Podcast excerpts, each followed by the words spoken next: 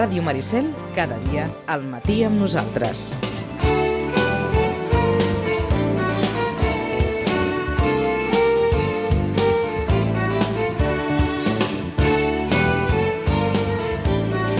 Nou i 52 minuts, com qui no vol la cosa, el voldríem aquí, el haguéssim volgut aquí, no va poder ser el darrer cop, aquesta vegada tampoc, però aquesta vegada hi ha motius d'aquells...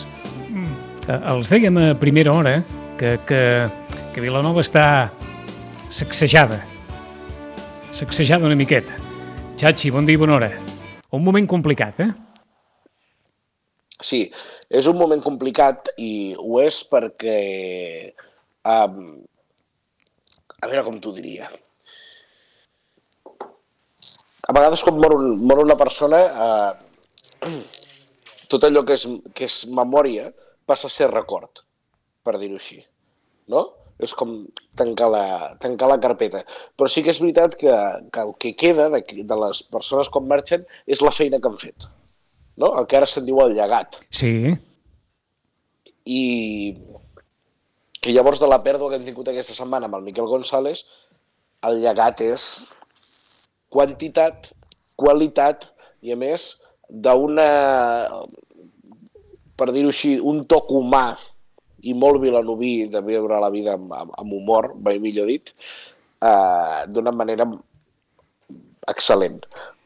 I Bé. per mi aquest seria el resum. De, deixa'm per començar. Li dèieu González? Sí, el González. sí, González. Eh?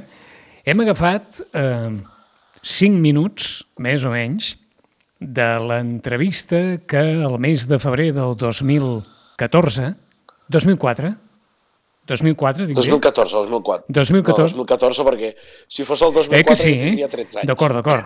2014, fa 7 anys, en Xachi li va fer, a Miquel González, aquest programa de Canal Blau titulat Vida privada, que era d'alguna manera una conversa tet a tet, una, amb una taula ben petita, amb un ambient, amb un ambient molt íntim, preguntant coses de la vida del convidat. El primer convidat d'aquell programa va ser en Miquel González.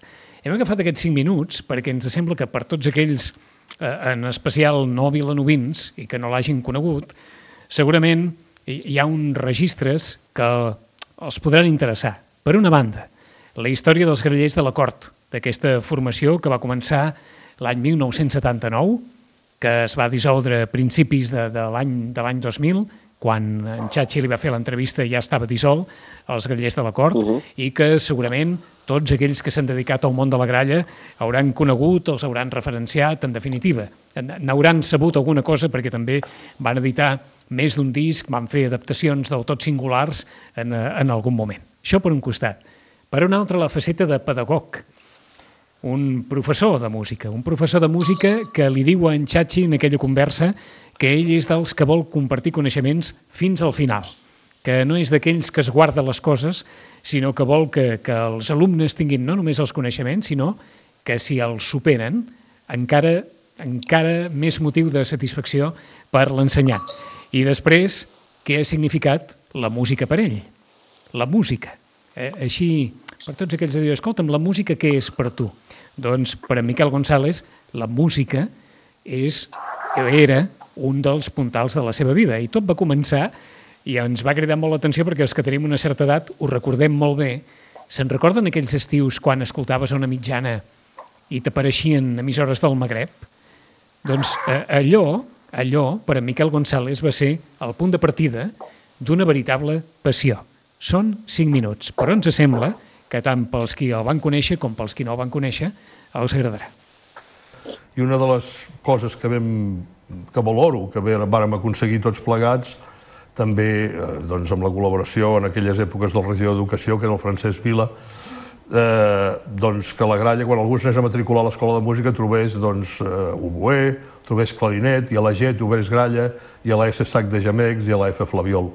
I això encara es dona, que, el que passa que les, els preus de les matrícules i les circumstàncies no són les mateixes, però bé, nosaltres, per nosaltres és un orgull molt gran quan surt un grup al carrer, com Clau de Mar, com l'Havana Xica, com els Gallers de Garbí, i penses com has intentat explicar-los tot, perquè el que no considero just és que un mestre guardi informació que no doni a l'alumne. No? Per nosaltres és un orgull explicar-ho tot i que l'alumne et superi.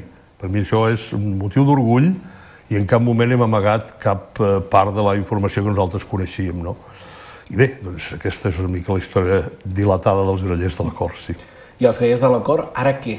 S'han dissolt? No s'han dissolt? Home, Queda sí. una miqueta en l'aire, no? No, no? s'han dissolt perquè realment l'últim any vam fer dues sortides. És a dir, nosaltres fèiem sobretot ball i concert, perquè la cercavila la deixàvem pels, pels grups que venien, no?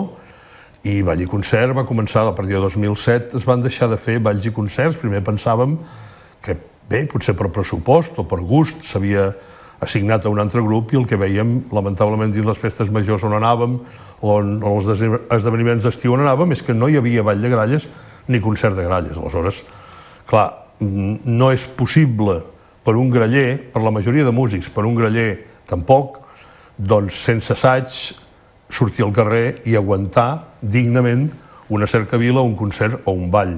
Aleshores, esclar, no compensava l'esforç que s'hi havia de dedicar a, de, a, a, no es plasmava, diguéssim, a l'hora de tocar al carrer o en qualsevol eh, lloc. I què té la música? Perquè t'hagi tocat tan de prop. Bé, jo vaig tenir molt bons professors de solfeig. Jo recordo bé, hi ha alguna cosa innata, que no sé, a casa meva la meva família afina. Tota la meva família, començant pels avis, afinen. Suposo que això també ajuda. I bé, doncs jo des de ben petit que me recordo un professor de música que vaig tenir em deia que vostè fa segones veus quan jo canto, o tu fas segones veus quan jo li deia no sé què és una segona veu, tenia, potser jo, sis anys, però d'una manera innata doncs em sortia, no?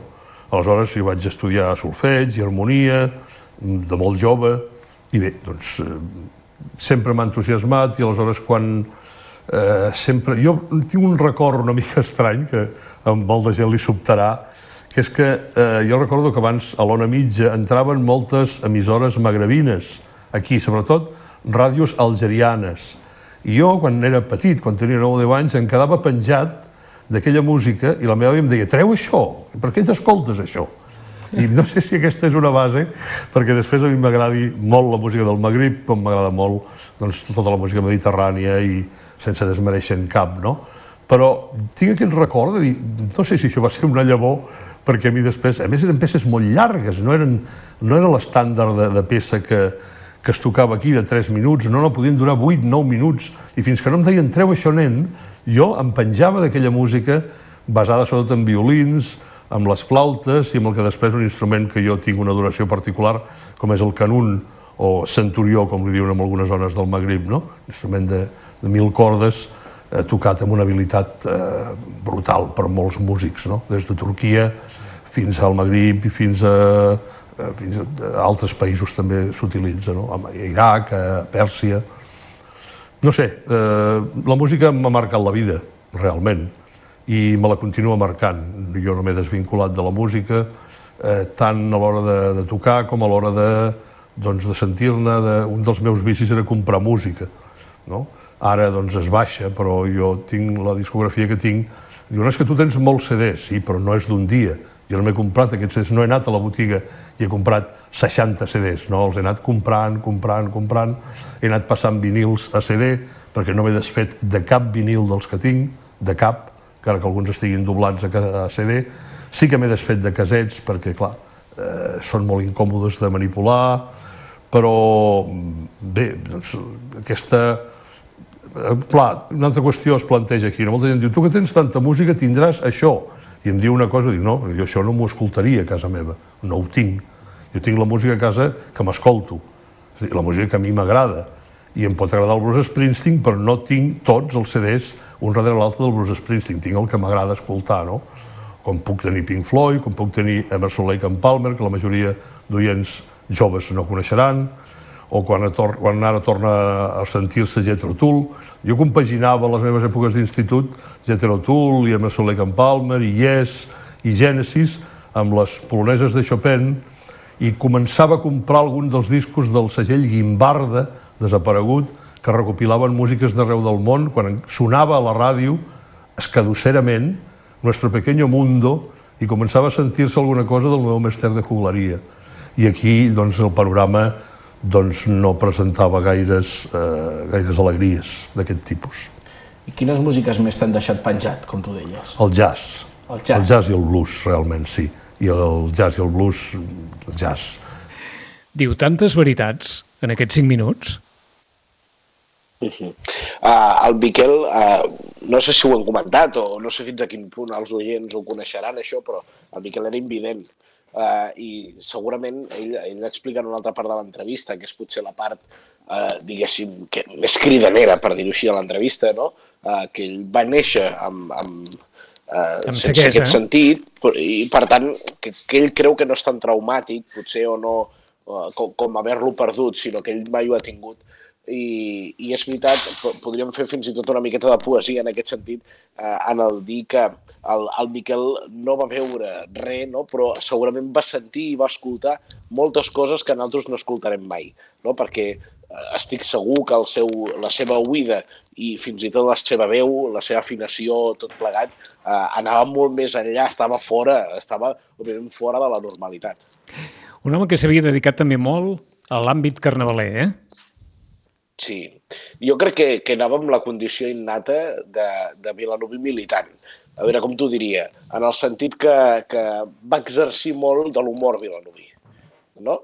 D'aquell humor que, que jo crec que tots els vilanovins que, que, que ens agrada i aquí no, eh? vull dir, no, no hem de ser per uniformes tots, no ho som a la comarca, no ho serem al municipi, però en el sentit que va voler sempre doncs, aquest, eh, prendre-s'ho tot amb humor, eh, poder fer broma en qualsevol moment, fer broma de qualsevol cosa i, a més, eh, fer-ho d'una manera eh, divertida, però divertida, que es divertís tothom, que fos elegant, que fos sàvia, eh, amb totes aquestes eines tan complicades de fer servir, però que si es fan servir bé són insuperables, com el doble sentit, la ironia, fins i tot un punt de cinisme, eh, fantàstic. Eh, realment, eh, i un dels records molt bons que tinc, eh, i ho hem comentat aquests dies parlant per telèfon, no? I, i, i fent tot aquest procés de comiat, per dir-ho així, eh, parlant amb el, amb el bon amic i sitgetà, Jordi Cubillos, un sopar al local de la Unió Vilanovina a la plaça del Pou, eh, tots tres, a més amb, el, amb uns amics de l'AZA, de Portugal, de l'Introido, del Carnaval de l'AZA, que vaja, eh, sí, vull dir, aquell dia vam haver de córrer al lavabo perquè és que realment ens pixàvem a sobre, perquè, bueno, era eh, molt, molt, molt, molt divertit i de qualsevol cosa se'n podia treure suc. Um, parlàvem dels referents a l'inici de la conversa. Els referents sempre sí. deixen un buit i, i el buit és sempre molt difícil, si no impossible, de- d'omplir. Sí. I, I no sé si Vilanova també viu més o menys aquest, aquest eh, debat quan, quan marxa una persona d'aquesta categoria i amb aquest pes social tan, tan important. Sí, uh, de fet ara uh, estàvem intentant muntar alguna cosa el, diu, el diumenge hi ha Diada dels Bordegassos i ell va ser graller de, de, de la colla uh, com a graller de la cort, va formar part de... I a més tot era un, no? La Unió, el, dir, tot, tot aquest moviment de la transició democràtica, no? Tot, tot, tot anava junt i el Miquel hi va, estar, hi va estar implicat i també amb el Carnaval i amb l'Enit i bueno, mil coses, no? Mm, jo era del Quinto també, uh, vull dir, i, i, i llavors dèiem, ostres, podíem fer alguna cosa i a més alguna cosa que fos com transversal, no? que tothom... I, i, i llavors, clar, hem intentat fer la llista de, de totes les coses en les que estava implicat i era eh, enorme, no? I sí que hi ha gent, òbviament, ara que, que hi ha implicat, però sí que és veritat que hi ha persones, i no passa res per dir-ho, que deixen més empremta que unes altres, ni que sigui per la seva personalitat, ni que sigui per un tret característic que el diferencia, no? I el Miquel era ha estat d'aquestes persones sense cap mena de dubte que ha deixat un segell i que aquests dies dèiem, home, que si muntéssim un espectacle, un espectacle, una trobada o un show on cadascú pogués pujar a explicar les seves anècdotes amb ell, ens hi podríem passar dies. Vull dir, seria un festival i ens fotríem un fort de riure. Era un, per exemple, era un gran explicador d'acudits, per exemple. Eh, Per tant, és evident que no hi haurà programa dedicat a les tradicions arreu de Catalunya que no faci referència en algun moment a, a la mort d'en Miquel González, eh? Home, seria, seria complicat, perquè a més, ostres, han, han, sortit, han sortit coses de sota les pedres, que sí que t'ho esperes i no t'ho esperes alhora, no? Per exemple, la, la colla jove de xiquets de Tarragona diu, gràcies a ell tenim el nostre propi tot de castells recuperat i tal, perquè va fer la investigació. Uh, va tocar la Patum de Berga, ha sortit eh, la persona que l'havia acompanyat i ens ho ha dit, i no sé, no, vull dir, tothom ha tingut lligams amb la Fira de Manresa. Sí, sí. Dir, és una cosa espectacular. Ara que en recordaven tantes matinals infantils de Santa Tecla en què havia vingut també amb, amb els gallers de la cor, en fi, està clar, patejat qui, qui es dedica al món de la gralla Sí. ja sap que pateix a mitja Catalunya i qui té una personalitat Sí, sí. magnètica doncs la pateix encara més, no? Sí, a vegades, a vegades es diu que això dels els homenatges i tal, no? Se'n parla molt, però molt encertadament. La gent de Clau de Mar, no, no sé si com a Clau de Mar o com a títol individual, van fer ara fa un parell d'anys el tribut a la cort, es va dir, i que es va fer al, al, al Teatre Principal i després es va fer també al CAT a, a Gràcia, a Barcelona. I va ser també una mica un homenatge no? a, a, als grellers de la cort i, i òbviament implícitament un dels seus tres membres permanents, el Miquel González, i va ser realment molt emocionant aquell concert del teatre principal i el reportatge al YouTube i el concert sencer al Té Canal Blau, el podeu recuperar a la seva web, eh, on, on doncs mira, vi, vist, vist, vist ara, no? dius, mira, un- una miqueta un acte de justícia en tot això. No? Aquells, a vegades dius, ostres, els homenatges en vida són bons, ningú s'ho podia imaginar, però ara doncs, encara cobra més sentit. Jo ahir mm, vaig intentar agafar valor i vaig tornar a mirar sencera l'entrevista de la vida privada. Ahà. Uh, primer m'estirava dels cabells perquè, òbviament, en, en, en set anys un entrevistador canvia, sigui dels, dels 23 als Ab- 30 o sigui dels absolutament. 40 als 47, segurament. Pel que sigui, canvia, no? I pensa les coses diferents. M'estirava els cabells i dius, ostres, això ho hauries d'haver preguntat diferent. Però, ostres, ara penso, cobra molt, molt més valor, no?, haver pensat en fer eh, aquesta, aquesta entrevista. I, i, I jo crec que això, que l'important és, al final, la de feina que deixa feta i la de ganes de continuar-ho que deixa, també, no? En el sentit de, de que ens, ens, ens marca una mica el camí en el sentit no, del nostre humor, que és molt difícil d'explicar això, perquè una cosa és dir, ei, vam recuperar les competències musicals, ell hi va posar eh, molt esforç en això i al final tenim un acte fantàstic el diumenge al matí abans de Carnaval que funciona i es fan les competències musicals, xampany i pastes, no? I això és fàcil, no?, de, de continuar, perquè a la gent li agrada i, i tot continua.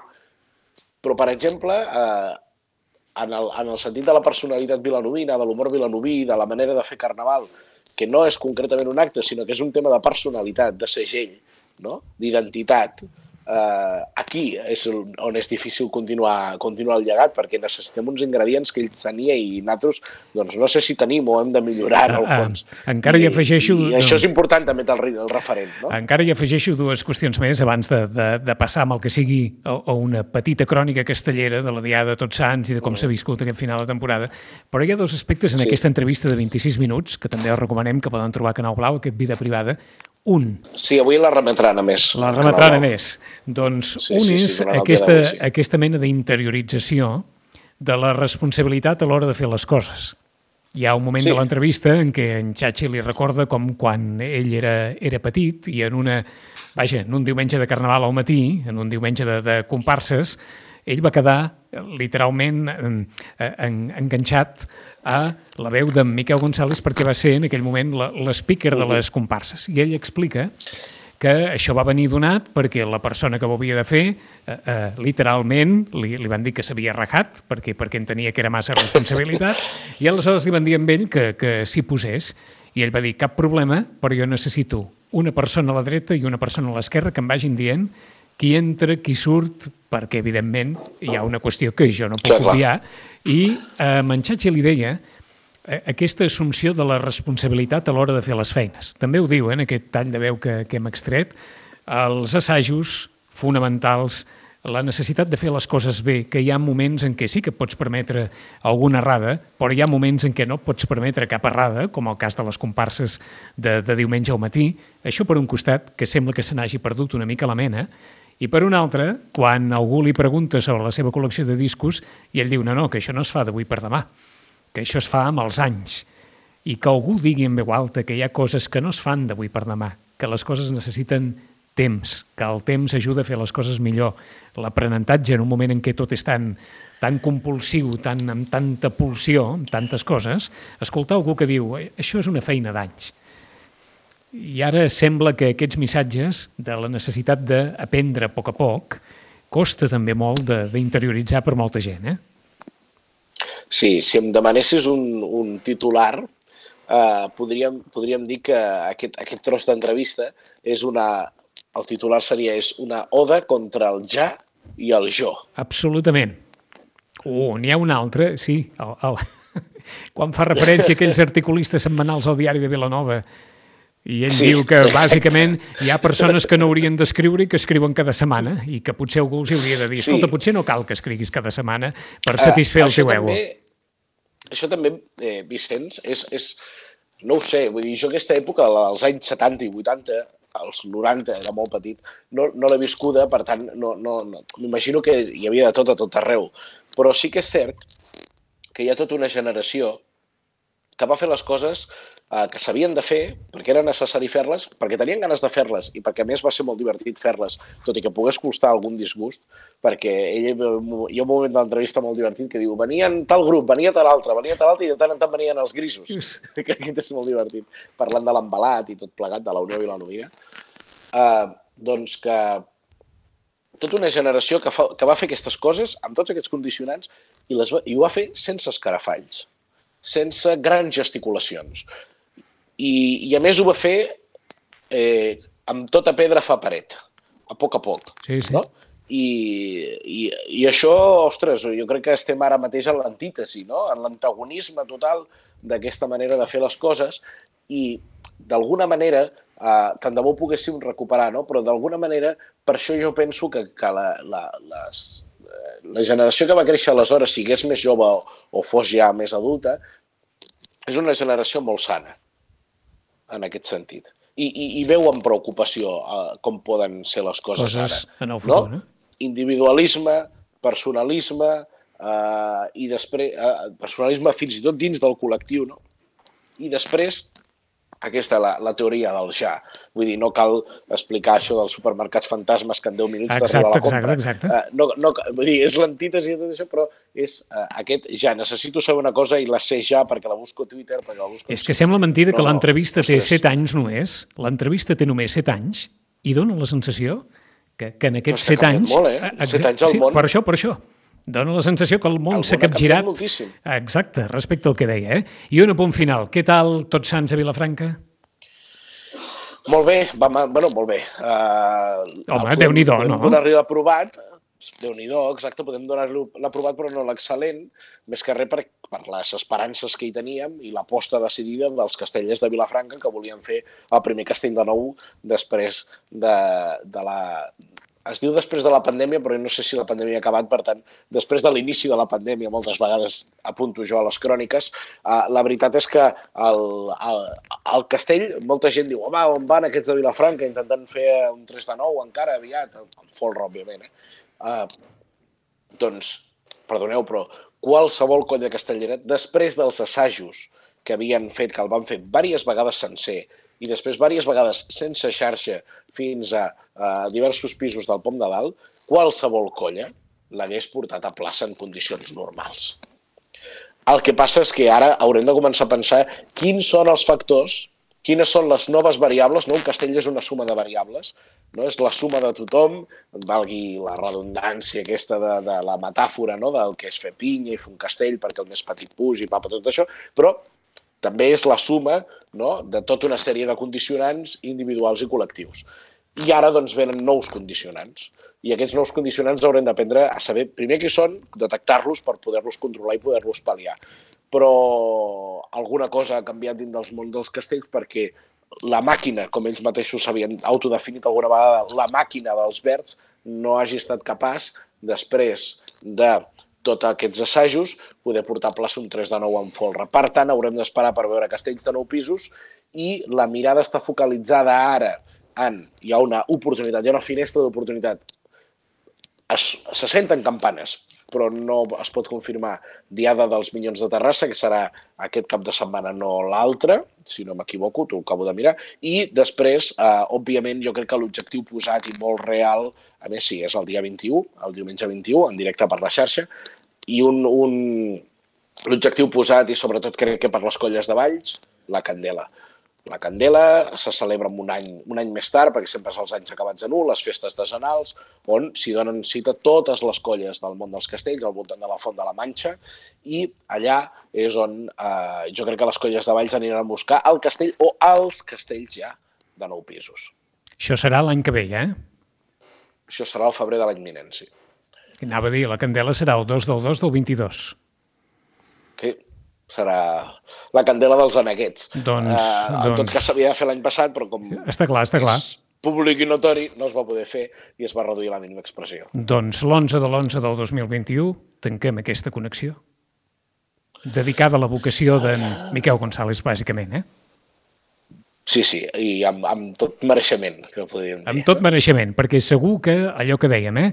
més enllà de Vilanova, tothom en té un record, mal que sigui perquè aquells ara hauran... Aquells que deien, oi, és aquell senyor sec que tocava la gralla i que venia de tant... Doncs aquell senyor sec era el que hi havia, diguem-ne, o, o el que d'alguna manera reunia totes aquestes qualitats pel qual avui Vilanova i el món de les tradicions i de les festes l'enyora per tot allò que, que ha deixat.